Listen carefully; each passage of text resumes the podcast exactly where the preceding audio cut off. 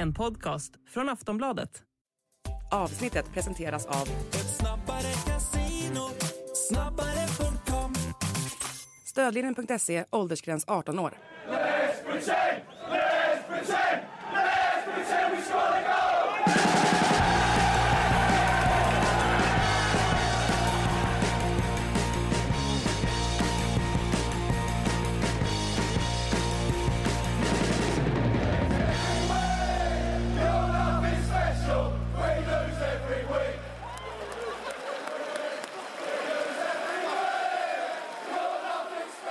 Sportbladets Premier League-podd eh, eh, sitter vi här idag. Kanske, vi vet inte, det kommer ju bli en del Premier League såklart, men det kan också smygas in lite annat. Vi befinner oss fortfarande i ett landslagsuppehåll. Eh, vi har, eh, vad blir det, fyra dagar kvar innan eh, omgången kickar igång med stormöte ju, Manchester City mot Liverpool.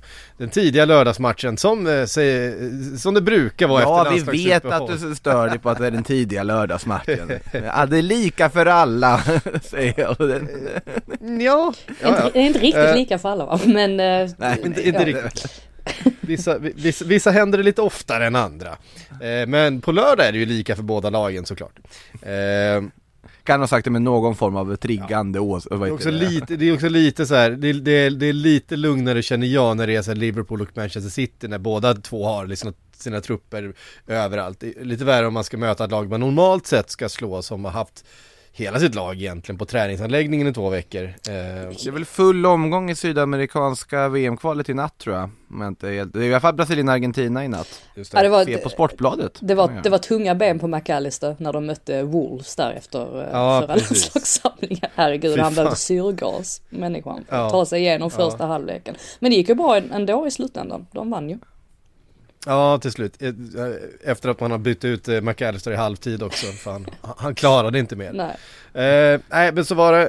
Eh, vi har lite annat att prata om däremot. För att det har ju hänt saker sen vi eh, pratades vid senast. Inte minst rörande Everton som vi fick beskedet här för det, tre, fyra, fem dagar sedan någonting. Eh, dagarna går fort. Att de får det här 10 poängs, eh, eller 10 poängs avdrag då för eh, att man har brutit mot det som inte heter Financial Fair Player utan som heter Sustainability and någonting eh, regelverket FAs regelverk då, F, ja. FAs regelverk ja. Ehm, 10 poängs avdrag för de eh, överträdelserna som man då har eh, befunnits skyldiga för. En Eh, överträdelse. Är det. Ja, det är, en, det är en överträdelse, vilket då sätter de här 115 anklagelserna som Manchester City eh, har hängande över sig i ett visst ljus. Ska man ju säga det också att just i Manchester Citys fall, vi kanske ska komma in lite mer på dem eh, sen, men att där handlar det ju väldigt hög utsträckning om, eh, alltså många utav dem eh, är ju då ovilja att samarbeta med FA, att försöka förhindra utredningen och så vidare. Och det kan man ju tycka kanske borde generera i, i, i ganska, för där har ju Everton varit väldigt öppna och väldigt hjälpsamma och, och väldigt välkomnande till den här för att man har ju också insett att det är kört. Kom igen nu. Ja, eller snarare att de kände att om vi är hjälpsamma kanske vi kommer undan när det finns eh, värre fiskar i, i havet så att säga. Men eh, nej, tji fick de. Ja, och det var intressant att de nämnde det i sitt uttalande där också. Så här. Vi, vi ser med spänning hur eh, utredningarna runt vissa andra klubbar eh, kommer spelas ut.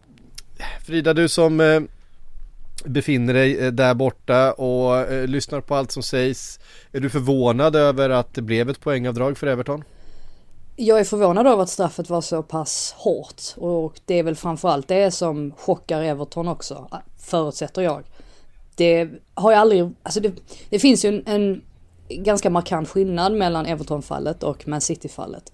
Och det är ju då att i Evertons fall så, så, så har man haft siffrorna framför sig och, och insett att de absolut inte har följt regelverket. Medan det i Man Citys fall handlar om att de är, anklagas för att ha fuskat sig till siffrorna som de nu har. Eh, och alltså fusk, fuskat sig till då att de faktiskt är inom ramarna för vad ligan tillåter. Eh, så att jag, jag sitter med en liten splittrad känsla i Everton-fallet för att å ena sidan så kan jag verkligen känna med klubben, med supportrarna. Ehm, det finns exempelvis, ja men det här med pandemin, att det påverkade dem, men det påverkade ju många andra klubbar också. Ehm, ett unikt inslag också i och med att Osmanov blev eh, portad från eh, Storbritannien i samband med att Ryssland invaderade Ukraina och där försvann en väldigt stor sponsor till klubben. Men samtidigt så är ju inte detta någonting som har smugit sig på, utan ledningen har ju vetat om att de har suttit risigt till under lång tid och de har fortsatt att spendera pengar. Det är inte lite pengar heller de, eh, de har spenderat. Alltså det är inte, det är ingen liten summa som de är över den här eh, tröskeln, utan det handlar om väldigt, väldigt mycket pengar som de bara fortsatt att pumpa in. Så jag tycker väl någonstans att detta är ett fall av där Moshiri då, ägaren, han satsade allt när han tog över klubben för att han ville att det här gapet upp till de största klubbarna eller de klubbarna som spelar i Europa i alla fall, att det skulle minska. Och där någonstans gick han helt snett. Alltså det har funnits en viss naivitet, han har varit oansvarig. Eh, det har inte gått så enkelt som han hade trott helt enkelt. Så att det är ju därför de på något sätt befinner sig där de är just nu. Men med det sagt, absolut, jag blir överraskad över att det var ett sånt pass stort poängavdrag. Men jag antar att FA, eller ja, Premier League, eh, att Premier League försöker statuera ett exempel här. Ja, men det, vi har ju varit inne på det ganska många gånger den här eh, säsongen och tidigare säsonger just om att det är fascinerande hur Everton kan ha så pass icke-slagkraftig trupp på pappret sett i att de spenderat, ja en av de klubbar i hela världen som spenderat mest om man tittar på de senaste åren. Eh, det är otroligt stora transfersummor. Sen de senaste åren har det också snackats om att ja men de har egentligen inte pengar att spendera, de har problem, de kommer behöva sälja spelare och de har sålt vissa spelare. Men eh, på så vis är det inte förvånande att de, de hamnar på minus i böckerna. Men det är ju just det här att eh, FA sätter sig i ett läge, även om det är två olika former av brott. Det ena är på pappret tydligt. Everton har inte följt eh, reglementet för hur mycket minus man får gå. De får minuspoäng. Den är tydlig och rak. Men samtidigt, när du ger dem 10 poäng, då sätter det prejudikat när du har en utredning mot Manchester City, när du har en utredning mot Chelsea, måste vara om, andra saker och andra former av eh, breaches mot eh, FAs regler så sätter du ett farligt prejudikat som kommer göra att alla kommer titta med lupp på vad de kommer göra med de här två storklubbarna nu framöver. Mm. För eh, det det pratas om såklart då är, är, Manchester City och Chelsea. Det som är roligt med Chelsea-fallet tycker jag, det är ju att det är några liksom bekanta nyhetshändelser som eh, ligger i fokus för det de nu anklagas för. Det handlar om eh, pengar som ska som det är i de här fallen, bytt ägare på sätt som inte redovisats för, inte eh, finns med i bokföringen, som har gått via bulvaner, som har gått via olika skatteparadis. Eh, tänk att Roman Abramovic, Frida, eh, skulle ägna sig åt sånt, det hade väl ingen trott. Nej, precis. Eh, ja, vi får väl se också liksom hur, hur det blir med hela den saken. Jag känner att fallet med Chelsea har på något sätt gått lite under radarn, men det är väl också för att Abramovic har varit inblandad eller att, ja, att det här skedde under Abramovics tid och då är det på något sätt som att man tänker att ja, ja, men där är, det är vi ju förbi nu, eh, den eran. Men ja, det kan ju komma tillbaks och, och bita dem också förstås och de nya ägarna då. Ja det här är ju då anklagelser som har, som har dykt upp och det, preskriptionstiden är ju inte förbi så att, och Chelsea är fortfarande Chelsea eh, med allt vad det innebär så att det, det kan absolut komma och, och, och bita dem är William fortfarande William? Ja, William var ju en av de här och en av då, eh, ni som har lyssnat på Sillypodden, i Sillypoddens absoluta begynnelse så minns ni eh, säkert det här avsnittet när Erik Niva med bestörtning med bestörtning uttrycker vad då considering his options. Ja, det kan man ju verkligen eh, ifrågasätta. Eh, hur det kunde hända att han plötsligt fick kalla fötter under eh, själva kontraktskrivandet hos Tottenham efter läkarundersökning och allting. Eh, en av anklagelserna är ju att i det, den stunden så gjordes en överföring från Roman Abramovic till någon eh, i Ryssland eh, associerad med Shakhtar där, där William ju kom ifrån. Ehm, och att det ska ha varit en av anledningarna till till att han då eh, istället valde Chelsea eh, i, i slutändan. Vilket han ju gjorde. Även eh, betalningar som rör, rörande Antonio Conte, Eden Hazard, alltså det, det är stora högprofilnamn som förekommer i de här eh, anklagelserna som vi får vara tydliga med att det, det här är ju eh, inget som är dömt eller, eller avgjort eh, än va. Mm.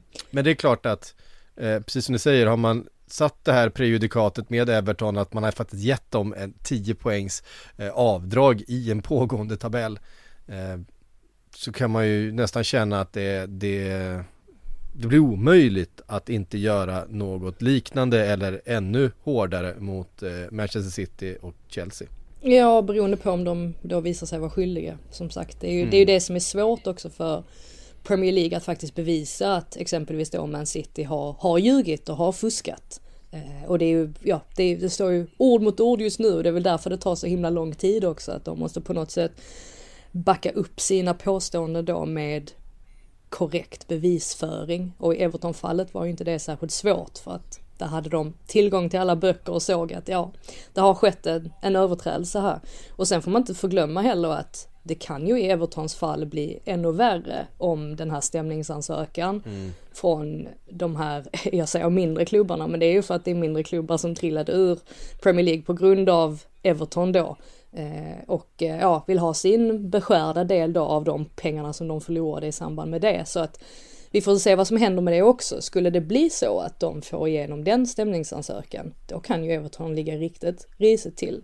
Och det är ju det som blir så eh, ironiskt nästan för att man pratar oftast om den här nya arenan som att ja, men det är den som har käkat upp mycket av pengarna men samtidigt så är det faktiskt den arenan som gör, det är på något sätt det enda som är attraktivt med Everton som klubb just nu, alltså sett till ur ett ekonomiskt perspektiv. Det kommer alltid finnas det här med att det är en, eh, det är en gammal stor klubb och eh, har en stor supporterbas och så vidare. Men just sett till att man snart står där med en färdigbyggd arena som kommer att vara en av de bästa i hela landet. Eh, ja, det är ju det som gör just nu att det ändå finns ett värde i Everton att, ja, att det ändå finns intressenter som, som vill kliva in i klubben och, och investera och så vidare. Så att eh, på något sätt så är det faktiskt det som räddar dem just nu från att, från att helt gå under. Att de har den där arenan att klamra sig fast vid. Alltså det, de, eh, i början av säsongen så satt vi och konstaterade att om de får ett minuspoäng så är det liksom en dödsdom för dem. Då är de körda, de kommer åka ur, de kommer inte kunna lösa det. Nu är ju dock tonläget lite annorlunda för de har ju faktiskt börjat rent sportsligt göra resultat här nu. De har ju börjat få ihop det, de har det här Sean Dychiska över sig som gör att de eh, plockar sina poäng och även om de får sina minus 10, de åker inte rakt ner till sista platsen. Alltså vilken annan de säsong som helst så hade det ju varit ja. förödande. Alltså med det här poängavdraget. Men den här, just den här säsongen, där har de ju faktiskt, om, om vi pratar om Everton att de har haft mycket otur också, eller mycket ah, oflyt ah. genom åren. Det här har de ändå tur med att det, det finns hopp och det är rätt så många mm. som tror att de kommer hålla sig kvar ändå på bekostnad av, av alla nykomlingar. Nu är det ju inte liksom optimalt att få ett 10 poängsavdrag för någon klubb, men jag tror ju också att det är ett sånt här läge det här kommer ju bara trigga dem och vi säger men vi kan fortfarande klara det här. De är med i matchen, det är inte som att de plötsligt nu åker ner i en tabell och är liksom helt utom räckhåll för alla. Eller ligger på minuspoäng eller något sånt, det är ju inte så utan de, de är i högsta grad med fortfarande. Ja, de har i princip eh, raderat ut massa av poängen de tog tidigare under hösten. Men det här är ett lag som nog kommer få liksom mer energi och vilja att visa att vi tänker inte acceptera att åka ut baserat på en sån här grej. Eh, så att jag tror nog också att Everton har goda möjligheter ändå att, eh, att lösa det trots, trots det. Sen kanske det inte skulle vara att rekommendera att få ytterligare nio poäng och sånt där som det har pratats om. Då kan det bli lite jobbigt kanske. Ja, och vem är det man vill ha där? Uh, i det kriget som stundar i, den, i, i när, när det blåser emot, när alla är emot, när du behöver en jävla härförare. Sam Allardyce var du tänkte på? Ja, alltså Sam Allardyce en gång i tiden hade ju, hade ju varit uh, bra för det men Sean, Sean Dyche är nästan Han är nästan född för den här rollen om man säger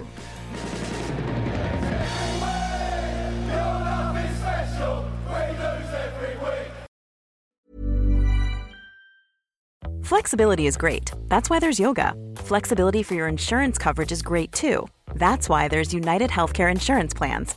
Underwritten by Golden Rule Insurance Company, United Healthcare Insurance Plans offer flexible, budget friendly coverage for medical, vision, dental, and more. One of these plans may be right for you if you're, say, between jobs, coming off your parents' plan, turning a side hustle into a full hustle, or even missed open enrollment.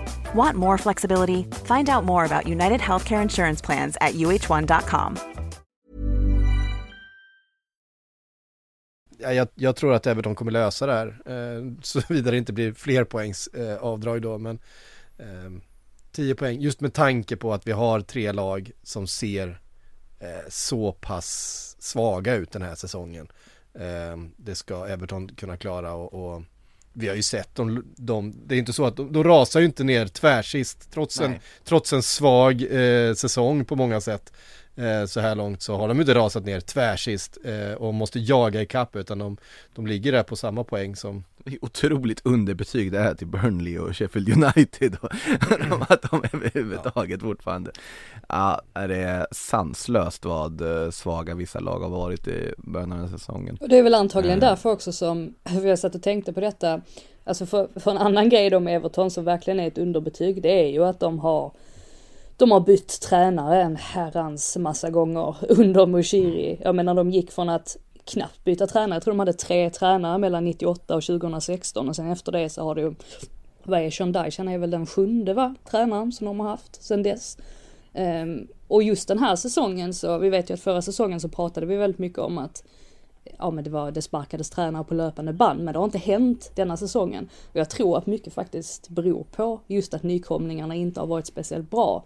Eh, och att det kanske då är så att ja, men de, de håller fast vid sina tränare samtidigt som då andra klubbar inte känner sig manade att, att sparka sina tränare för att de ligger längre ner i, i tabellen. Så där finns säkerligen en, ett mönster också, eller ja, att det på något sätt hänger samman.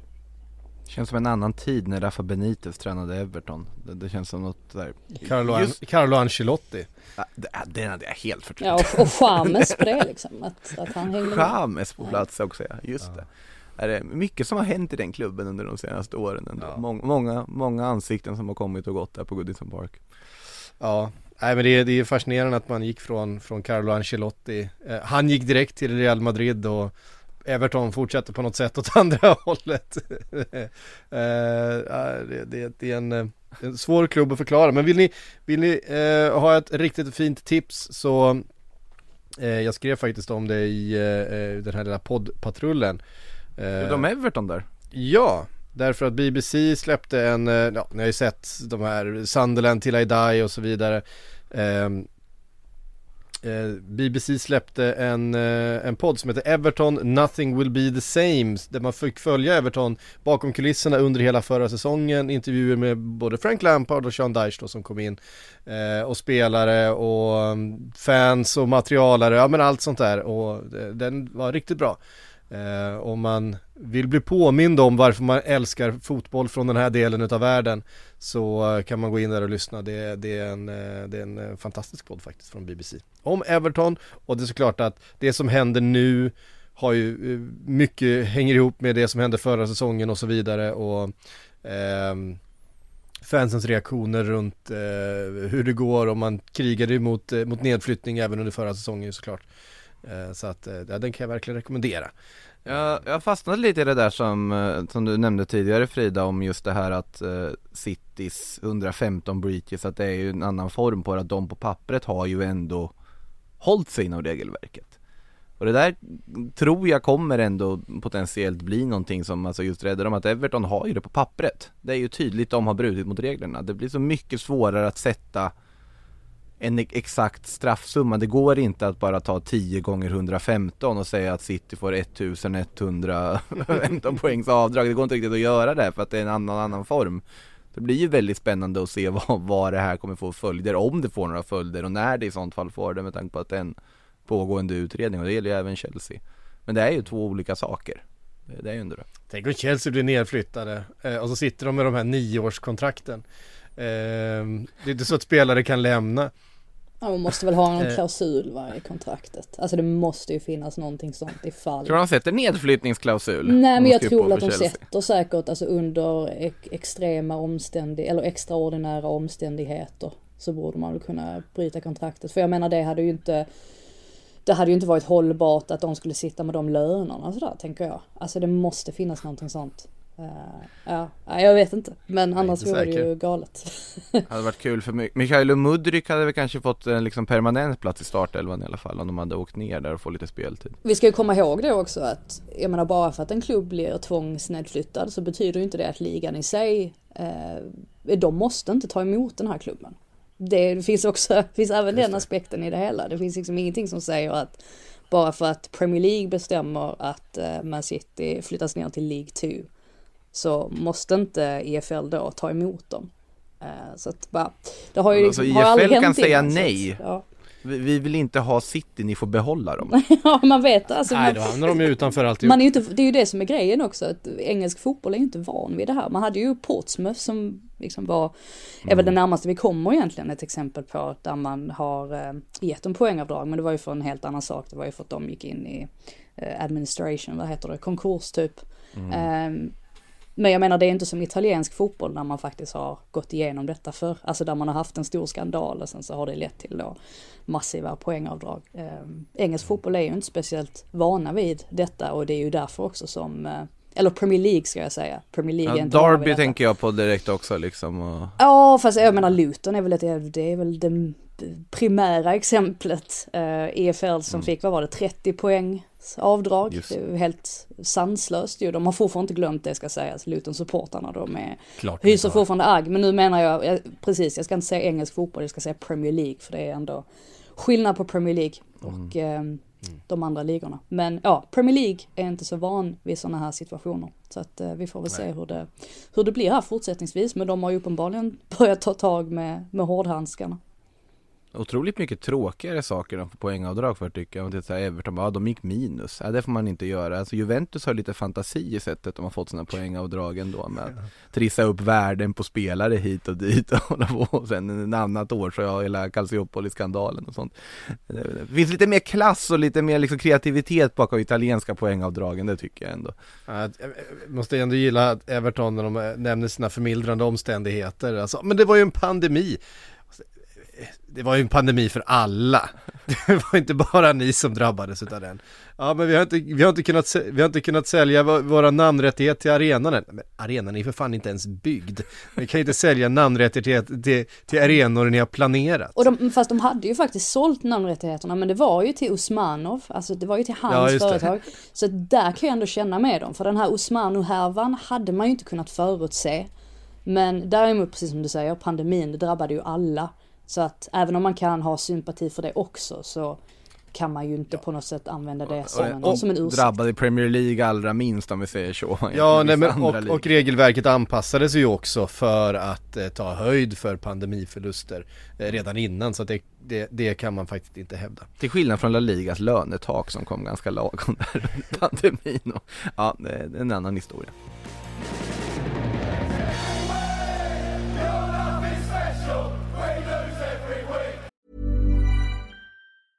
Hey, I'm Ryan Reynolds. Recently, I asked Mint Mobile's legal team if big wireless companies are allowed to raise prices due to inflation. They said yes. And then when I asked if raising prices technically violates those onerous two year contracts, they said, What the f are you talking about, you insane Hollywood ass? F- So to recap, we're cutting the price of Mint Unlimited from $30 a month to just $15 a month. Give it a try at mintmobile.com slash switch. $45 upfront for three months plus taxes and fees. Promo rate for new customers for limited time. Unlimited more than 40 gigabytes per month. Slows. Full terms at mintmobile.com. Eh, Det har varit landslagsfotboll nu också. Makoto, du har varit i Azerbajdzjan. Hur var Baku? Alltså, underlig plats Måste jag ändå säga, alltså, jag kan inte riktigt liksom sätta fingret på för det var en mix av så många olika saker på något sätt och bara en sorts mishmash av Ja, forna, forna Sovjetunionen tillsammans med liksom Turkiet och Dubai och sen liksom ena stunden har du en gammal grå byggnad, nästa har du något något helt annat och sen så är det en skyskrapa bakom med liksom en aserisk flagga upplyst. Det var lite underlig plats, fruktansvärd trafik. Eh, men en historisk match fick man ju se. Jag tänkte precis säga det, jag tänkte lite på det ändå, att vad, vad skönt för dig att du inte åkte dit, eh, eh, ja alltså in, in vain, att du ändå fick ut någonting av det. För att jag menar 3-0 till Azerbaijan, den här matchen kommer ju gå till historien som den sämsta någonsin.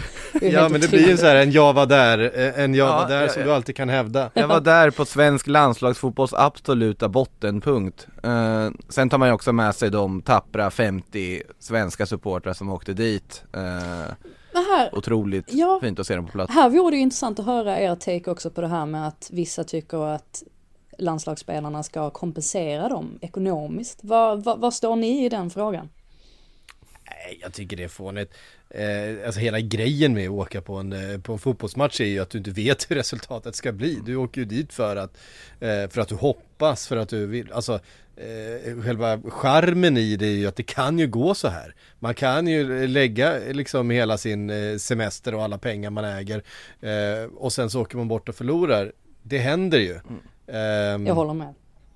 Ja. Så att, De, de kompenserat ganska väl på att eh, ja, Robin Olsen tog i tät där och slängde upp tröjan på läktaren och, och de andra följde. Så de fick ju någon, en, en fin souvenir med sig hem också. Plus att de kommer ju också prata om den här matchen. Ja, Ja, kommer ni exakt. ihåg när vi åkte De till Baku också och på var plats. jag, jag, jag tycker de fick någonting mycket mer än om Sverige hade vunnit med 1-0 och det är liksom eh, Ja, nej, nej det där köper jag inte. Nej det var, det, det var något historiskt man fick se, så var det ju. Det var, det var surrealistisk känsla när man står i mixade zonen och bara Ja, Emil Forsberg 0-3 mot Azerbajdzjan eh, Ja. Där kunde man hamna, det känns det- som att det är Galenskaparnas sketch på något sätt alltihopa Det är skönt också för då kunde de inte vara, de kunde inte vara arroganta på något sätt. Alltså de var ju verkligen, de var ju verkligen dåliga bara. Alltså det fanns, det fanns ingenting att skylla på. Det måste ju ändå varit skönt som De journalist. skämdes många av dem sa de, så Mm. att det, var, det var ju Robin Olsen var ju argast av alla och kanske bäst av dem alla i den mixade zonen också Han var ju väldigt tydlig med vad han tyckte och han sa att jag kommer se till att det här aldrig händer igen Ja. Sa Undrar hur många landskamper han gör. Alltså om han eh, Till. kommer bli kvar liksom. I nästa. Jag satt och tänkte lite på det här just också för att vissa, vissa av spelarna var lite så här.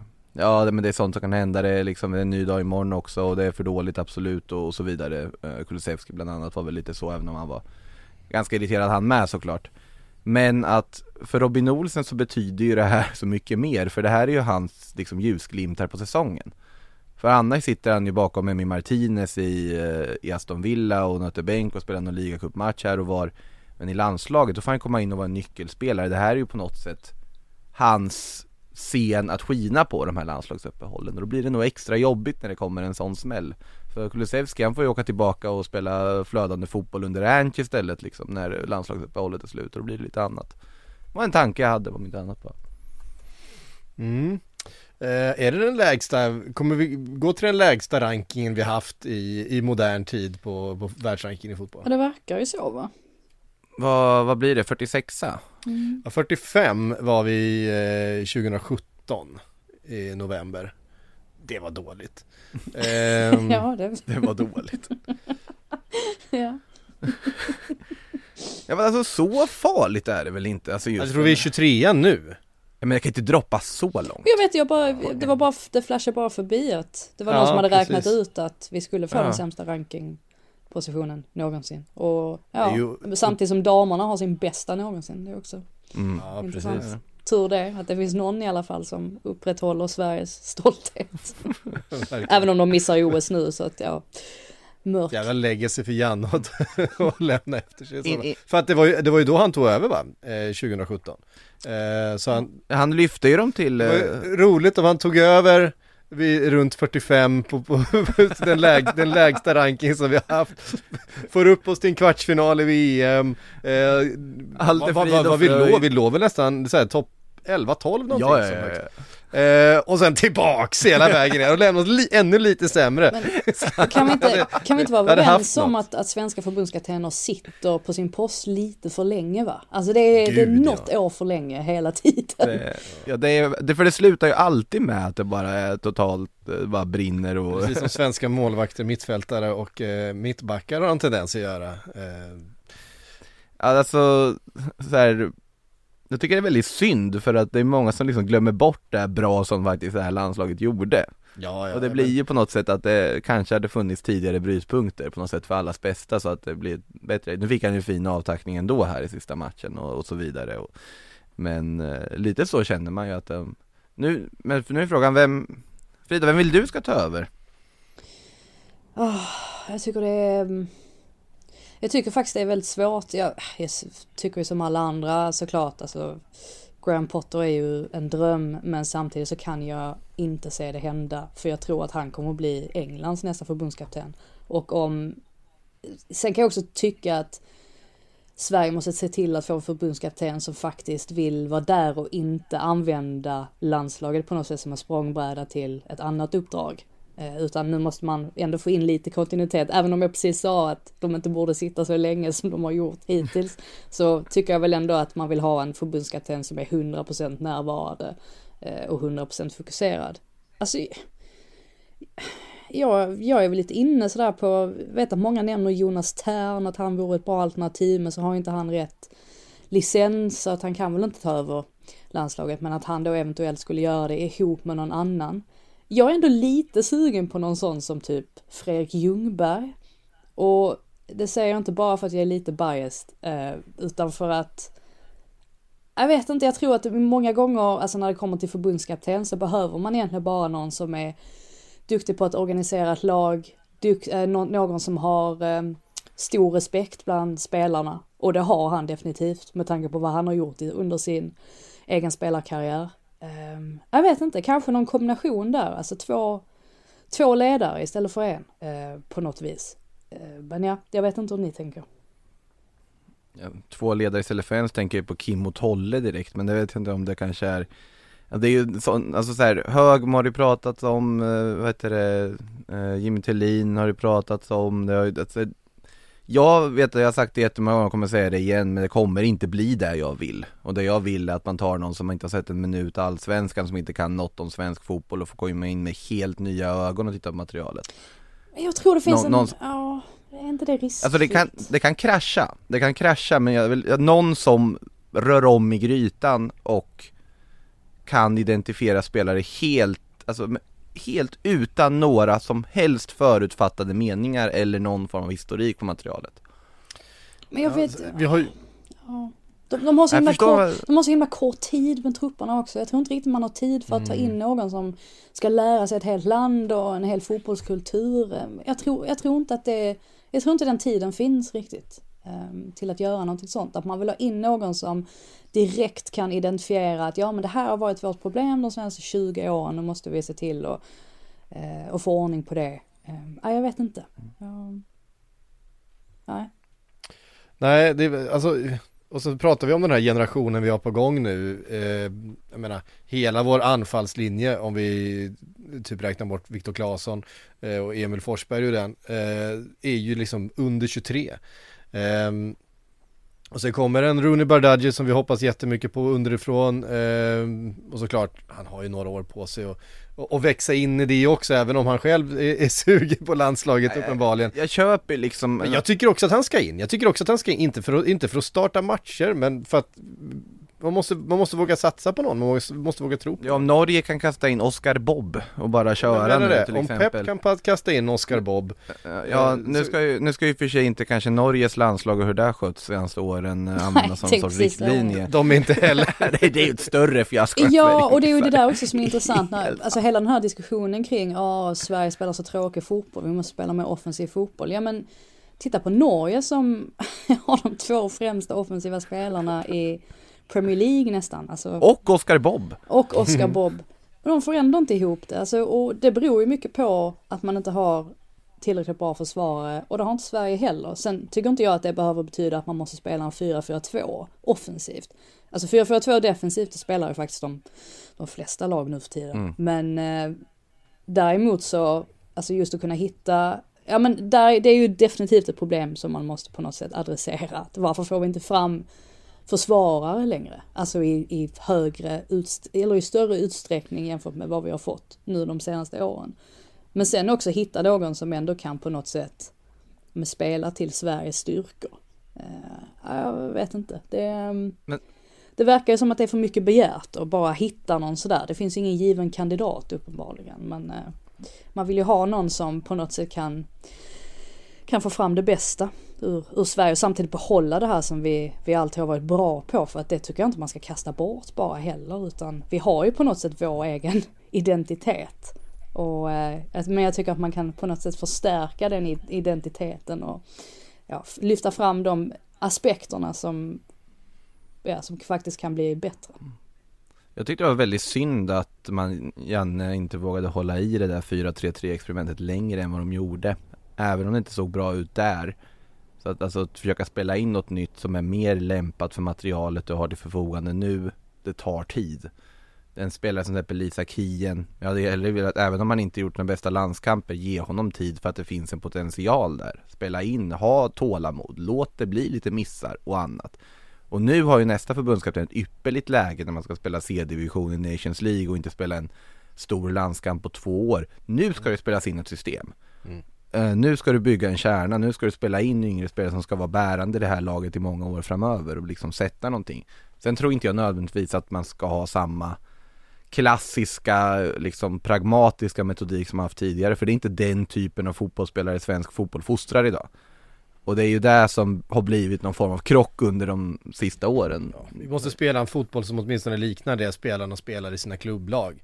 Eh, för att det har ju blivit en för stor kontrast eh, för, ja men, nu har visserligen Kulusevski varit helt okej okay i landslaget men eh, att spela som, som forward i ett, eh, ja nu då, Postekuglu, Tottenham och sen komma och spela ytter i ett 4-4-2 till exempel eller spela upp, eller, eller upp på topp i ett 4, alltså sådär Framförallt spela på topp i ett 4-4-2 blir ja. liksom på något sätt någon annan annan roll. Ja, det blir andra ytor som man måste ta sig an. Det, det, det blir andra, man ställs inför andra utmaningar. Sen är Dejan Kulusevski en jätteduktig fotbollsspelare men om vill ha, man vill ha ut så mycket som möjligt av honom. Men sen, Då ska man ju se till att, ja, att, att, eh, han får göra de sakerna som han är bäst på. Men sen hade han väl inte, hade Isak varit med så hade väl han spelat ihop med Gyökeres. Nu har vi ju på något sätt två strikers Antagligen. som faktiskt är mm. riktigt bra. Så att, eh, ja, då alltså, gäller det att få ihop ja. dem också eller få möjligtvis få in dem i samma, i samma formation mm. också. Det är inte det lättaste. Gyökeres på topp, Isak till vänster, Kulusevski till höger. Ja. Ja. Säger jag. Ja. Jo i och för sig, alltså Isak spelar ju där mycket i, um, mm. i Newcastle också eller har gjort på sistone. Och Gyökeres tycker jag för appen kan vara bra för att sätta på någon bänk äh, i alla fall. Det kan man ju säga. Jag tycker han är helt uh, fenomenal. Ja. Eh, han har varit ruskigt bra. Det engelska landslaget, där är det lite annorlunda. Där siktar man ju... Eh... Fick Harry Maguire inte straff mot sig? När han, när han, när han, när han bara går in och golvar en Nordmakedon där. Helt bra. Det var en otrolig situation. Nordmakedonien ligger ju nära Grekland så att eh... Eh, kanske... Inte in och peta i de gränserna då, vi låter bli de gränserna, det är rörigt där. Uh, han kanske tände till där, nu, kom, nu fattar jag vad du menar. Uh, ja, nej, det kan man verkligen fråga sig. Nej, men det var två meningslösa uh, matcher uh, för England som ju redan är kvalificerade för, för EM. De har spelat också rätt svag fotboll. Jude Bellingham har inte varit med, det är fler spelare som har saknats ingen har väl egentligen tagit för sig så jättemycket. Jag noterade att eh, eh, Trent fick man of the match på, från sin mittfältsposition i mötet mot, eh, vilka var det man mötte nu i eh, Malta var det va? Ja. Eh, ett motstånd man hade stora problem att bryta ner eh, faktiskt. Var, det har vi sett miss... Sverige ha någon gång också för massa år sedan. Jag minns fortfarande han Mifsud med den där mössan på huvudet. Ja, just det. Och eh, bara kryss då mot eh, eh, Nordmakedonien. Men men, eh, det här är ju en engelsk generation Frida som man hoppas ska kunna ta det där guldet. Eh, och EM nästa år känns ju som det allting, allting pekar mot. Ja absolut, jag menar, ska vi, för, för övrigt så det är faktiskt exakt ett år sedan som England mötte Iran i eh, VM, deras första match i mästerskapet mm. idag. Det vet jag bara för att jag fyller år idag. Så att eh, ja, jag minns. Ja, just det, vi har, vi har glömt säga grattis. Tack, fick jag in den också. Perfekt. Stort, stort grattis Frida. Tack så mycket. Men det var ju lite mer jag speciellt. Liten, jag, skriver, jag bockar av här på mitt papper. det var ju lite mer speciellt att fylla år på, jag tror den hette Khalifa Stadium eller någonting sånt. Där mm. England klev in och gjorde en jättebra insats. Och jag menar, det var ju rätt så många som inför det mästerskapet hade pekat på bland annat där när England föll stort mot Ungern. Jag var på den matchen också i Wolverhampton. Det var ju katastrof, det slutade ju 0-4 eller någonting sånt. Och alla tänkte att det här kommer ju inte gå sen i VM. Eh, vi kommer inte kunna prestera. Men England är ju den här typen av lag som och det är väl det som är så svårt med Southgate att visst, han har sina begränsningar rent taktiskt, tycker jag. Alltså särskilt när, när mm. vad gäller att förändra saker rent taktiskt under matchens gång. Jag tycker inte alltid att han är speciellt skicklig på det. Vi vet om att han har en pragmatisk sida till sin filosofi. Men samtidigt så funkar ju det oftast i, i mästerskap. Du kan komma rätt så långt på att spela på det sättet. Och om vi ska vara helt ärliga också, den här matchen då mot, mot Frankrike, där de till slut åkte ut och Harry Kane missade straff. Jag menar, de var ju bra i den matchen, stora delar. Och hade Kane satt den där straffen då tror jag att England hade gått vidare. Så att man ser ju det, det är små marginaler i mästerskap och samma sak så känner jag väl nu också att England står på något sätt på, på samma ställe som de gjorde inför VM. Det här med att de har jättemycket talang. Eh, Southgate eh, har lite sådär huvudbry hur han ska få ihop alla de här spelarna, få ihop laget. Han kommer komma fram till något. Jag tror att England kommer bli en kandidat att räkna med i EM också. Sen om det håller hela vägen, ja, det får vi se och det kommer kanske inte alltid vara skönspel men det är på något sätt det man får med, med Southgate också tycker jag. Kändes inte som att Watkins tog sin chans riktigt här när han fick starta ändå mot mm, eh, Nej, han hänger risigt Nordmakedonien. det. Uh, I truppen. Det är ju rätt så, kommer ju bli kommer ju verkligen bli fascinerande att se vilka som eh, kommer med och inte. Jag håller fortfarande fast vid att jag tror att Palme kommer finnas med i en, i en Det- trupp. Och, Det eh, tror jag också. Ja, jag tyckte ändå att han såg ganska spännande ut när han fick hoppa in mot, mot Malta där.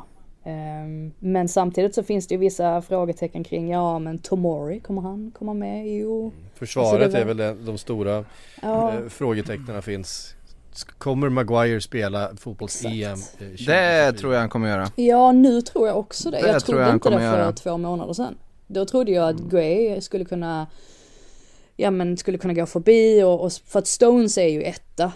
Eh, Så är det bara. Ja, utan Och sen trodde jag kanske att Gay, att han på något sätt skulle kunna ta sig förbi Maguire. Men jag tror nu i och med att Maguire får så mycket förtroende i Man United så tror jag att det möjligtvis kan bli det mittbacksparten då med Stones och Maguire. Vilket gör då att man undrar hur det kommer gå för Tomori och Konsa. Han kommer nog inte, han kommer nog definitivt inte komma med. Men där finns ju ändå vissa frågetecken där. Och sen så har du ju då, ja, men alla de offensiva alternativen. Du har målvaktsfrågan. Kommer Ramsdale till och med, kommer han ens komma med i truppen? Det är inte säkert. Eh, Eftersom att han knappt spelar nu i Arsenal. Kan mycket väl bli så att det blir Pope liksom som, som åker med eh, ihop med Johnston då. Eh, ja, och Pickford som etta. Så att, ja, det finns ändå lite, lite frågetecken men de har ju, det råder ingen brist på spelare. Det får man ju säga. Nej det gör det verkligen inte. Det är ju en, eh, det är ett otroligt urval de har och, och eh, där kan ju faktiskt Southgate på ett annat sätt än en svensk förbundskapten välja vilket spelsystem man vill spela och välja spelartyper utefter det. En svensk förbundskapten får ju ta de bästa som finns tillgängliga och sen Alltså- här, gör någonting av det här. Alltså vi liksom. hade ju kunnat ta Englands eh, åttonde bästa ytterback och den ytterbacken hade ändå varit bättre än Ja, absolut. Du får nog lägga till några siffror på Ja, det tror kanske jag faktiskt. Eh, Så länge man inte spelar in Emil Holm ordentligt, men nu har jag varit skadad så att ja. Det var det. Ja, eh, ja men så är det ju verkligen. Och ja, men det är ju det som är så fascinerande för där är ju frågan vad, vilket spelsystem, vilket sätt vill han bygga den här truppen på? Det, det är ju finns ju nästan oändligt med riktigt, riktigt bra fotbollsspelare med riktigt, riktigt fina kvaliteter eh, som skiljer sig från varandra.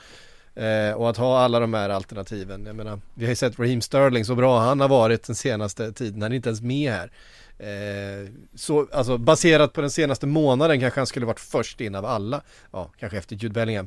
Men, eh, Mm. eh, menar, ja, men det, det, det Mad- Madison var inte med här heller. Han, Nej. han känns ju också given i, i truppen Ja. så att ja, jag vet inte. Han hade ju dock varit med om han inte hade varit skadad. Absolut, ja Eh, precis. Men det är det jag menar. Raheem att- Sterling är ju inte skadad, han är ju petad. Ja. Eh, Det finns ju lite osäkerhet ändå kring en sån som Reece James exempelvis som han tackade nej till den här samlingen eftersom att han har, haft problem med skador jag kan ändå förstå att man vill vara lite försiktig då att han inte vill få ett återfall. Men samtidigt så riskerar han ju sin chans nu att eh, komma med i truppen så att det är ju på något sätt det man eh, man sätter på spel, alltså varje, varje samling som man tackar nej till det är, ja, det blir tufft att komma med då i en, i en sluttrupp för att, ja, just för att det finns så många alternativ på de positionerna. Trippier och Walker det, är ju ingen som skulle liksom argumentera att det är konstigt om Trippier och Walker tas ut och inte Reece James i dagsläget. Nej, Eh, nej, nej, Även om jag tycker Reece James är helt inte. fantastisk så är det ju jag menar, och jag menar det är så, ja, skulle det bli världens kris så kommer man ha med Trent som eh, ett mittfältsalternativ. Han kan ju spela ytter, eh, högerback, det, Nej, han kommer väl spela mittfält i ja det tror jag. Det kommer han väl Han verkar, ha, se- han verkar nästan ha cementerat sin roll på det, på det Ja, mittfältet det, tror- där. Det tror jag nog Eh, gör det riktigt bra.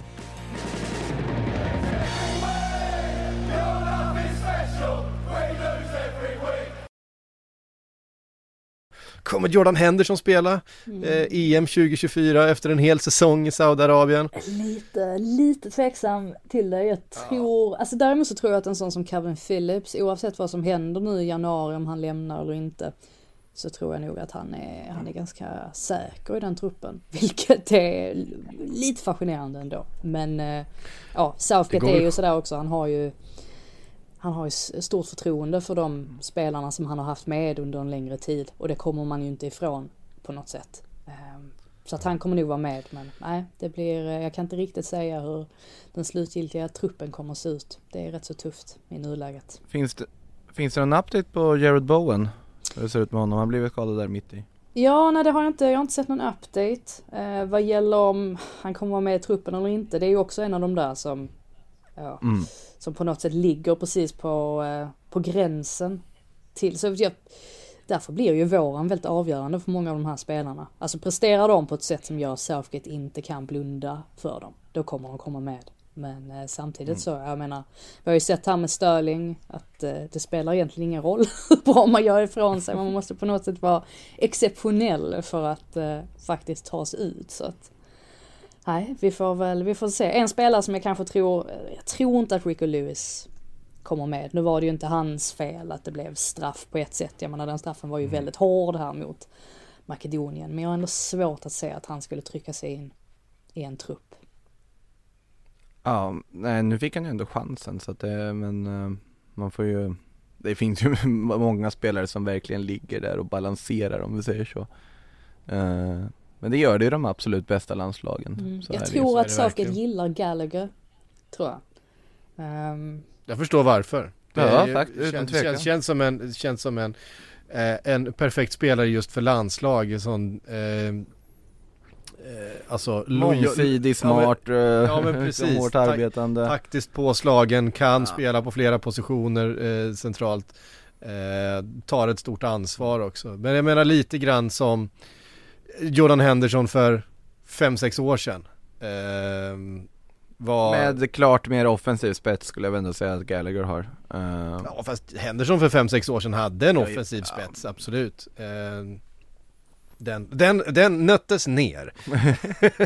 Framåtpassningarna ebbade ut. På tal om om man kan diskutera Ja, Nej jag håller faktiskt med på ett sätt det här om Gallagher för jag tycker han är så himla svårplacerad för att en del av mig tycker att han är begränsad i, i sina kvaliteter. Alltså att han kanske hade gjort sig bäst i ett lag som Crystal Palace där han ju faktiskt blomstrade under större delen av den säsongen som han var där. Men samtidigt så har han ju matcher i Chelsea där man känner att taket är, är ännu högre. Alltså att det finns, finns ännu mer att, att ta av hos honom. Så att eh, nej, jag, jag, jag gillar honom också. Men jag kan inte riktigt, eh, jag blir aldrig riktigt klok på hur bra han faktiskt är. Man får kanske omvärdera efter säsongen eh, och ge honom lite mer respekt. men är inte Chelsea en sån miljö nu för tiden också? Som är lite under Ja, jo, jo på, på ett sätt. Jag tycker ändå, var det mot Man City som, jag tyckte ändå att han slog eh, en del, eh, en del bra passningar. Gud vilket högt, ja vad högt jag sätter tröskeln på något sätt. Men, eller ribban. Men eh, nej, jag, jag, då emellanåt så tycker jag man kan se att han har det där i sig ändå, att han faktiskt kan slå de här kvalitetspassningarna. Men jag har inte riktigt varit säker på att han, att han faktiskt är en topp, topp, toppspelare. Men som sagt, kommer kanske behöva utvärdera detta efter säsongen och omvärdera. Säger ju en del att han var bärkaptens bindel också uh, stundtals i, i Chelsea och allt om vad, vad han nog betyder för det där laget just nu som man kanske pratar lite för lite om ibland. Eh, nu är ju det här Premier League-podden men eftersom vi ändå svävade bort på svensk landslagsframtid och annat så måste, kan jag ändå slänga in alltså någon som inte kommer spela EM, vilket är otroligt tråkigt, är ju Gavi. Eh, och eh, vi har pratat om tajta matchscheman, hårt matchande på spelare och den där problematiken förut. Men det blir så otroligt tydligt i det spanska sammanhanget när du alltså har en situation där Spanien inte har någonting att spela för. Gavi spelar hela matchen mot, det var väl Cypern där först. eh, Luis de la Fuente får frågan, ska du inte vila Gavi, ska han spela igen nu? Och han bara, ja men Gavi vill alltid spela, de bästa spelarna spelar alltid, han, han är supertaggad, han är i sin livsform och kanon. Tar mindre än en halvtimme, nu var det en olyckshändelse, det var nog inte kopplat till det vad, vad det verkar. Men korsbandet av borta resten av säsongen, en 19-åring som har matchats på en helt jävla orimlig nivå senaste åren. Likt Pedri gjorde när han spelade EM och OS och allt vad det var. Likt Ansu Fati mm. gjorde innan han trasade sönder och nu är Gavi också korsbandsskadad och det är mm. Ja, slägg Lamin Jamal i bubbelplast nu och se mm. till att han inte får spela så mycket som kanske han vill i det här läget för du måste börja skydda de här spelarna på ett bättre sätt än vad de gör för det börjar bli sorgligt ja, tycker jag. Så känner jag med Bukayo Saka mycket, att jag blir nervös varje gång Just nu, ja, ja det, det, det förstår jag. Det, ja, han liksom är halvskadad konstant just nu. Ja precis, att det, eh. det var ju helt otroligt att han hade den sviten på hur många spelade matcher i rad som helst för att man, man, tänkte ofta att ja, men det har känts som att han har varit skadad emellanåt och det har han ju också. Han har ju mm. klivit av matcher skadad och sådär. Men att, att han på något sätt alltid har repat sig tillräckligt för att kunna mm. komma in i nästkommande match. Eh, men nej, det, är ju en sån spelare som man känner att där kanske man måste dra lite i handbromsen ibland också för hans egen skull. För att han vill nog spela så mycket som möjligt men eh, det är inte säkert att kroppen klarar av det alla gånger. Kan jag säga, det var den Zaire Emery, första, eller yngsta franska landslagsmannen på 100 år eller vad det är, går in och gör mål i sin debut. Ja, eh, och blir skadad och missar resten av året också, ja. i samband med det också. Eh, spelat eh, varenda match mer eller mindre för PSG den här säsongen. Nu har inte han matchats lika hårt, lika länge som till exempel Gavi, men likväl. Vinicius Kamavinga, går ju sönder, två och en halv månad var, där landslagsuppehållet också man verkligen, man verkligen avskyr landslagsuppehåll när man, mm. särskilt när man som Sverige då inte har kvalificerat sig till mästerskapet eller som i Englands fall att de redan var kvalificerade. Ja. Då känner man ännu mer så här, vad är grejen med detta? Om, ja. Alltså England borde ta ut januari turnétrupper. alltså de här bästa lagen som är de borde ju liksom ta ut helt andra spelare. Ja. Sen förstår man ju att de har inte så mycket tid heller, eller Southgate har inte så mycket tid med dem. Eh, han måste ju ta tillvara på alla de här samlingarna och och så. Och ja, såklart alla andra förbundskaptener också, det har man ju full förståelse för. Men man blir lite sådär, ja, ännu ett landslagsuppehåll precis innan jul och nyår när det är som värst i England, när det är som flest matcher att spela. Men eh, ja, det är så det ser ut. Mm. Mm. Jag tänkte vi skulle eh, bara blicka lite framåt helgen innan vi svarar på några frågor. För vi har ju några riktiga supermatcher faktiskt. Eh, det börjar ju såklart som vi nämnde med Manchester City mot Liverpool. Just nu etta och tvåa i tabellen, det skiljer en poäng. Ehm, är det va? Eller är det två? Nej, en poäng. Sen har vi då strax bakom dem, ja, eh, Arsenal däremellan. Eh, och deras match mot Brentford i, i all ära, men Tottenham Aston Villa är ju mm. superintressant. Just nu fyra och femma i tabellen då. Eh, extremt formstarka eh, Aston Villa, Tottenham som har lite grann kommit ur då, det är två raka förluster Visst mot eh, i gal, galna sammanhang och eh, mot tufft motstånd då förstås. Eh, men det blir en eh, otroligt intressant match på, på söndag Frida. Mm. Ehm, ska du dit? Ja, det ska jag. Mm. Oh. Det, ehm, Klart du ska. Nej, det blir högst. det blir högst intressant, precis som du säger. Jag tror väl också att det här, vi vet ju om att Villa faktiskt har haft det lite tufft mot lag som pressar aggressivt och det här med att mm. Villa står väldigt högt med sin backlinje och det finns lag som kan utnyttja det så att om bara Tottenham får ordning på eh, sitt spel trots då att de fortfarande saknar ett par viktiga spelare så tror jag nog att eh, det kan bli en väldigt rolig match. Att eh, vi kommer få se rätt så mycket mål. Ehm, men ja, får se om, om Tottenham kommer på banan igen men det är tufft ändå. Jag tror särskilt det här med att visst Madison är ju såklart alltså en nyckelspelare men jag tror också när man blir av med stora delar av en backlinje som har fungerat så väl då blir det då blir det också tufft på något sätt. De har ju inte riktigt den farten längre i backlinjen eh, med eh, reserverna då så att säga. Det är, det är inte riktigt, eh, riktigt Postekuglu spelare så att nej, det kommer bli intressant. De skulle behöva en tredje mittback som funkar i på något sätt systemet. Så att eh, framförallt nu när van der Ven är borta ganska lång tid så behöver de ju någon någon mer i den eh, konstellationen känns det som. Men januarifönstret närmar ju sig så att mm. Jag tror det kommer hända grejer där faktiskt. Eh, Det tror jag också. Verkligen. Ehm, Newcastle-Chelsea. Eh, klockan fyra matchen på lördag, vad säger ni om den? Newcastle såklart skadeskjutet. Ehm, men hemmaplan. Eh, får väl tillbaks någon spelare också, Frida. Eh, det känns otroligt ovisst tycker jag. Det blir det är en så sjukt svårtippad match för Chelsea har sett rätt bra ut senaste tiden. Menar 4-4 mot, mot City precis före landslagsuppehållet här. Eh, mm. Ja, jag tänkte precis säga att jag vet faktiskt inte hur eh, skadelistan ser ut men jag tror inte att den har förbättrats sådär jättemycket för Newcastles del. Men ja, Ingen Gimarais tillbaks. Eh, ja i i och för sig, jag, jag tror väl i och för sig att ja, han ska väl vara tillgänglig och jag vet inte riktigt hur det är med Wilson, han är ju väldigt upp Han är borta helt va? tror jag. Ja, jag tror det också. Det är, ehm, Isak är ju inte tillbaks. Nej, även om de sa ju sent november så att det är, ja, det är möjligt att han, eh, kanske inte mot Chelsea men möjligt att han i nästkommande omgång i alla fall kommer vara tillbaka. Ehm, men jag, eh, ja vi får se här vad de säger på sina presskonferenser. Det, det är svårt när man inte har haft någon insyn i hur det har gått på träningar och sånt Ja. senaste veckan. Och så förstås då Everton efter poängavdraget på Goodison Park mot Manchester United. Eh, Oj, alltså det, finns, det, finns, det finns mycket stories den här helgen. Jag tror inte jag hade velat vara Man United i det läget. Jag, jag tror inte heller det. nej, nej, det, finns, just det, det, det. kommer vara, det, det, kommer, det kommer vara fruktansvärt där inne för motståndarna. För att, alltså vi vet ju hur Goodison kan vara när, när Everton-supportrarna är på hemmalagets sida, vilket de brukar vara, då är det ett tufft ställe att åka till och vi har sett bra lag åka dit och, och få smörj. Vi ska ju säga det också om United kommer jag på, det har ju hunnit hända lite där Sen vi poddade senast med Richard Arnold som har eh, lämnat, eh, det pratas om att Murtaugh ska bort nu också, nu börjar väl eh, Jim Ratcliffe Han eh, börjar flytta in. Ja, han börjar flytta in i det lugn och ro, men den här möbeln vill jag inte ha kvar, men jag kan Exakt. tänka mig ändå att behålla den där byrån. Ja, han rensar ut lite olika byrålådor för att få plats med sina, med sina grejer här. Ja, nej, det, det är ett, eh, det är intressant, absolut. Eh, sen hela, hela, hela historien om Glazers och allting, det fortsätter ju på något sätt, men det, det ska väl ses som ett långsamt övertagande då utav eh, eh, Ratcliffe och Det här är ju ett långsamt övertagande, de bara plockar bort en VD och sen ska de plocka bort någon annan och så sitter Ten Hag där och jobbar på.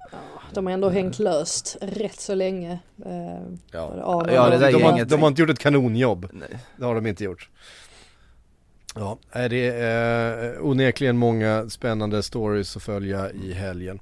Vi kastar in lite frågor då. Eh, vi kan väl börja med Erik Magnussons. Vad behöver Manchester United göra i januari för att få fart på grejerna? De vill ju ha en mittback verkar det som. Det ska vara någon form av prio. Ja. Uh, pratas ju om Jean-Claire Todibo från Nice.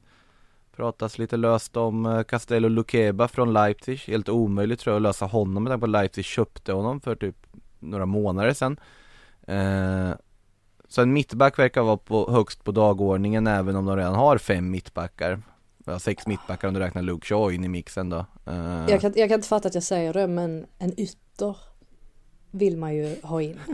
Eh, alltså, Nej, det är ju det, är det är ja det är, det är bisarrt med tanke på att, Ja, hur mycket men- pengar men de har lagt på det. Ja absolut. Det jag ju. menar Anthony, det går inte att lita Anthony på honom. duger inte. Sancho kommer, han kommer ryka eh, garanterat. Ja, och så sitter man kvar med Rashford som jag vet inte riktigt vad han sysslar med. Han är upp och ner. Garnacho. Pelistri. Ja. Mm. Och sen så Höjlund då som jag gillar väldigt mycket men som Ja. ja, uppenbarligen gör alldeles för få mål i alla fall i Premier League. Han har inte kommit igång riktigt. Så att, eh, Han har inte gjort ett enda mål. Eh, nej, Champions League har han ju Champions League har han gjort eh, desto fler men eh, Nu var ju inte Wout Weghorst lånet lyckat för United med facit i hand men är inte det här på något sätt läge du vill ha någon som som ändå vad heter det, Höjlund kan plocka upp lite saker av någon med lite erfarenhet, rutin som vet vart målet är. Ja, vet Det är inte så här- fan, alltså. ska de inte bara kliva in, bara, bara slanta Osimhen pengen. Det finns ju så mycket annat de behöver lösa också. Ja, jo. De har ju inte, det är inte som att de har obegränsat med pengar och bara slanta heller. Alltså jag håller ju med om att från början så borde de ha gått all in på Osimhen, det är vad jag tycker. Sen har de valt Höjlund-spåret, jag tycker Höjlund ändå alltså han må ha varit något av en Champions League merchant här i början av säsongen när han bara gör mål där, men och det kan man ju, finns ju sämre Det saker att vara. sak att vara. Ja, det är sämre, finns ju sämre saker att vara än det. Men eh, att han skulle behöva någon, nu har du ju valt det spåret. Och då blir det väldigt konstigt att slanta 1,5 miljarder på Victor Osimhen och sen bara då mer eller mindre bränna in de där 75 miljoner euro du gav på uh, Höjlund. Hur är det, Det egentligen, låta- hur är det egentligen med Luke Shaw? Han måste väl vara tillbaka nu också snart. tror jag de behöver. Det kommer ju Ja, ändå, de ska- precis, det kommer ju ändå stabilisera. Eh, Ja, det var mycket begärt också att han ska gå Hur, in hur, direkt hur långt bort är. Lisandro tänker jag till exempel? För att alltså det, du har ju ändå ganska mycket mittbackar även om det sägs att det ska vara prioritet. Du kan ju inte samla hur många mittbackar som Nej, och jag helst. tror de sa, var inte det i mitten av januari? Någonting sånt de har sagt kring Ja. Martinez. Och det är ju synd för att jag tycker nästan att han är den enda av Ten Hags värvningar som faktiskt har varit riktigt bra. Eh, Ja, men, eh, instämmer helt på, på det. Uh, inne mitt, behöver de det egentligen? Eller har de egentligen täckt där? Alltså problemet, de har ju haft mycket skador och sånt. Jag håller med om att just säga att eh, man räknar bort Anthony, säga att Sancho kommer ju lämna då och du inte vill ge så mycket ansvar på Garnacho, Pelistri och de unga, då, då behövs det ju någon ytterligare där. Eh, Men jag är såhär, det, det är namn som bara dök upp i huvudet som jag tror skulle göra nytta och lyncha mig om ni vill men alltså typ låna in Säg Dzeko, säg Morata, alltså den typen av forward för att ha någon som vet vart målet är Som du kan spela, alternera med Höjlund. Han har någon att lära sig som har varit med i gamet ett tag. Jag vet inte.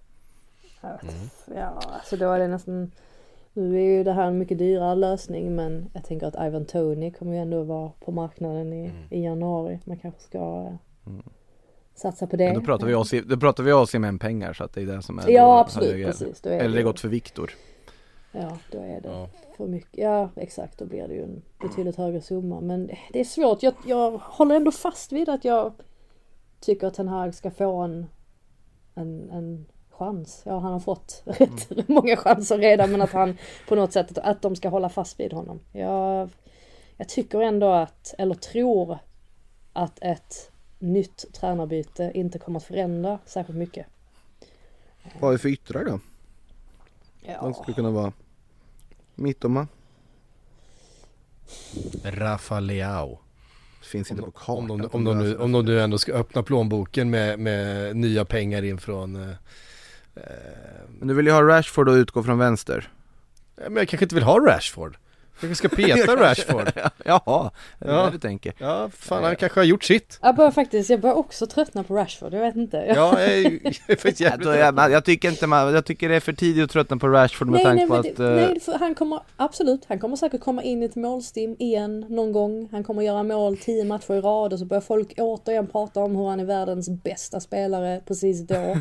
Men jag tror aldrig han kommer vara, jag tror aldrig han kommer prestera på en kontinuerlig, eh, ja men kontinuerligt helt enkelt. det var ju Ja. den här säsongen på något sätt skulle göra det. Ja, jag och vet. ta, att Men, liksom eh, bygga på på det för det. Så tycker jag det är tråkigt att se att det inte har funkat för honom. Men det spelare man väldigt, man vill väldigt väl för Marcus Rashford, det är det. Jag vet inte om han är ja. lite känslos, alltså att det är någonting som, eh, alltså att han kan ha haft något problem alltså på det privata planet som sen spiller över på fotbollen, att han har svårt att stänga av bruset liksom, det som händer utanför. Jag tror det är någonting i alla fall som, som stör honom faktiskt.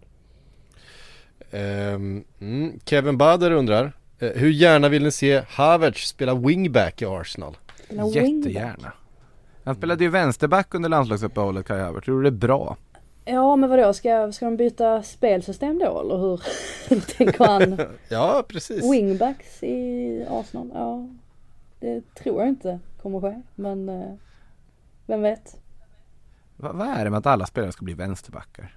Alltså, eh, kommer det för lite bra, alltså renodlade vänsterbackar nu för tiden? Som alla ska alltid skolas om till vänsterback i olika sammanhang. Men är det inte lite Havertz, också det här med att spelarna nu för tiden har inte en position ens? Alltså att det är som Sinchenko att det står att han är vänsterback men att han inte är det. Bra fotbollsspelare. Alltså, Ja. han, kan, han kan sparka boll. Havertz är ju lite så också. Finns ju en väldig fara med att stoppa ner en spelare eh, som Kai Havertz för djupt i banan. För det är en spelare som är så van att spela med, med hög risk. Alltså man tar an, alltså spelare som normalt sett befinner sig i, i de offensiva 4-5 eh, där framme. Så, eh, har liksom instinkten att, att spela med hög risk och att det är okej om man misslyckas med två av tre aktioner. Eh, därför att lyckas man med en av tre så blir det målchans liksom. Som försvarare kan du inte göra det, du måste spela med en helt annan risk. Finns vissa som kan göra det. Det finns, några som, det Ja. finns några som kan göra det, men det finns också, det kan också se sjukt bra ut en match, att spela med en Kai Havertz i, som en vänsterback eller wingback eller så vidare, men så plötsligt så slår han en hel, en, en kostar han ett mål eller två i Vi ska nästa. komma ihåg att de alltså förlorade den här matchen mot Turkiet med 2-3 Där han var bäst på Tyska landslaget har också lite att, att De fundera har på. lite att fundera på det. Nu har de i alla fall en Nagelsmann på plats där, och vi se vad det blir av det Just jag, jag har fått höra att eh, det är för mycket Arsenal-hat i den här podden. Eller att det, inte, det pratas för lite om Arsenal. Det är ändå, det är ändå två, tre personer som har hört av sig och, och tycker att du är psyk, att det märks att du, har, du är biased mot eh, Arsenal. Att du hoppar förbi Arsenal så Arsenal. snabbt. Jag tycker, jag har snarare fått höra att vi är för snälla mot Arsenal konstant Oj, jaha. Ja, det får inte jag. Men det, det var i och för sig förra säsongen med förklarliga skäl Eh, det, det, det, Den bilden delar väl inte jag riktigt kanske Nej, det är väl, den, det är väl det laget vi kanske har oftast har utförligast rapporter från eftersom du är på nästan alla deras hemmamatcher Frida. Jag tror, jag tror det man handlar mer om att, alltså vad de möter för motstånd. Ehm, ja. Mm. När de ställs mot Burnley så ägnar man kanske inte lika mycket tid åt dem. Så. Ja det, det, det, det är det som åsyftas, jo men titta på vad Chelsea sysslar med förra veckan kan man ju förstå varför vi ägnade mest tid åt dem Ja, ja jag vet inte, det är svårt. Det blir, det blir kanske, det, det blir ju mycket så här, ja Manchester United för att de är Manchester United och går dåligt eller Chelsea för att det är, det är liksom de uppseendeväckande Jag menar vi har ju haft avsnitt och vi har lagt kanske, ja men halva tiden på att prata om Manchester United till exempel och fiaskot eller ja, Och då, då är det inte direkt så positiva ordalag vi pratar om Det är då. ganska sällan vi pratar om ett lag som går bra och allt är tipptopp i, i, i mer än så här fem, fem, tio minuter Eh, Ja. Men och, och visst, jag, jag håller med.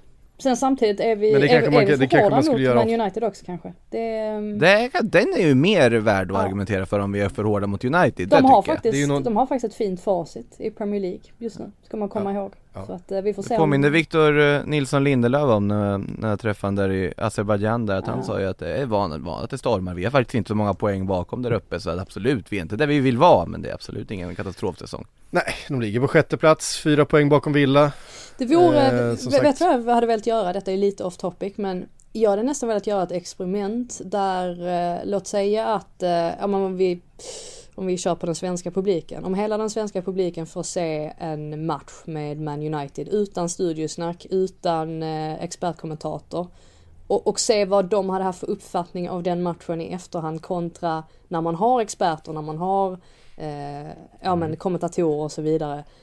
Jag, Fast kanske är Sverige ett dåligt exempel. Jag tror att det hade varit ännu mer intressant att göra det här i England. För att det blir, man slår Verkligen. oftast på den stora trumman så fort det är någonting med Man United. Det är bara int- intressant att se vad, vad skillnaden hade varit i ens eh, Vi har, vi har ju faktiskt Bojan här i, i Sverige så jag tror att experimentet hade kunnat funka i Sverige också när United har förlorat. Fina bojen. Ja. ja. Ja, men sagt med all kärlek ska sägas. Ja men jag, jag lyssnar sällan på, jag, nu har jag liksom Sky och sådär ju. Men jag lyssnar ju sällan på kommentatorerna. Jag skruvar alltid ner, kollar aldrig på halvtidssnack. Och det är faktiskt för att man inte vill bli för mycket påverkad. Nej. Jag brukar undvika är det. Twitter också under matchens gång för att jag vill inte bli alldeles för Ja, jag vill ändå liksom hålla min egen linje och sen är det klart så måste man ju kolla upp vissa grejer så att man inte har haft, fått fel för sig vid i vissa situationer och sådär. Men, eh, och det är viktigt att ta del av andras åsikter också för att ja, man måste ha ett öppet sinne. Men ibland tror jag det kan vara bra att inte lyssna för mycket på andra utan gå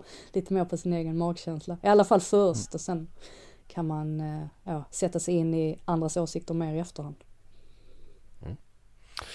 Hörde ni, eh, där fick vi prata av oss lite grann också om eh, Både det ena och det andra. både det ena och det andra. Eh, Sportbladet Premier League-podd var det här. tänk, tänk det, blev, det blev en dryg timme även den här veckan. Frida, du fick helt rätt. Ja, vi, det är, vi har alltid saker att prata om. som sagt, det finns väldigt mycket mer fotboll att prata om om en vecka. Ungefär när vi är tillbaks igen, eh, då ska vi följa upp alla de här eh, fantastiska narrativen vi har bollat upp för eh, under det här avsnittet. Sillypodd på torsdag, ni som undrar vart Sillypodden tog vägen i i torsdags då Mm. så var, var jag ju på resande fot och fick inte riktigt tid och Patrik Syk slog sönder saker istället Ja, det, det, det kan vi eh, berätta mer om en annan gång. Men eh, så var det i alla fall med det. Eh, hörni, tusen tack för att ni eh, orkat lyssna hela vägen hit på det här avsnittet. Eh, ni ska ha en medalj, eh, så är vi tillbaks om en vecka igen.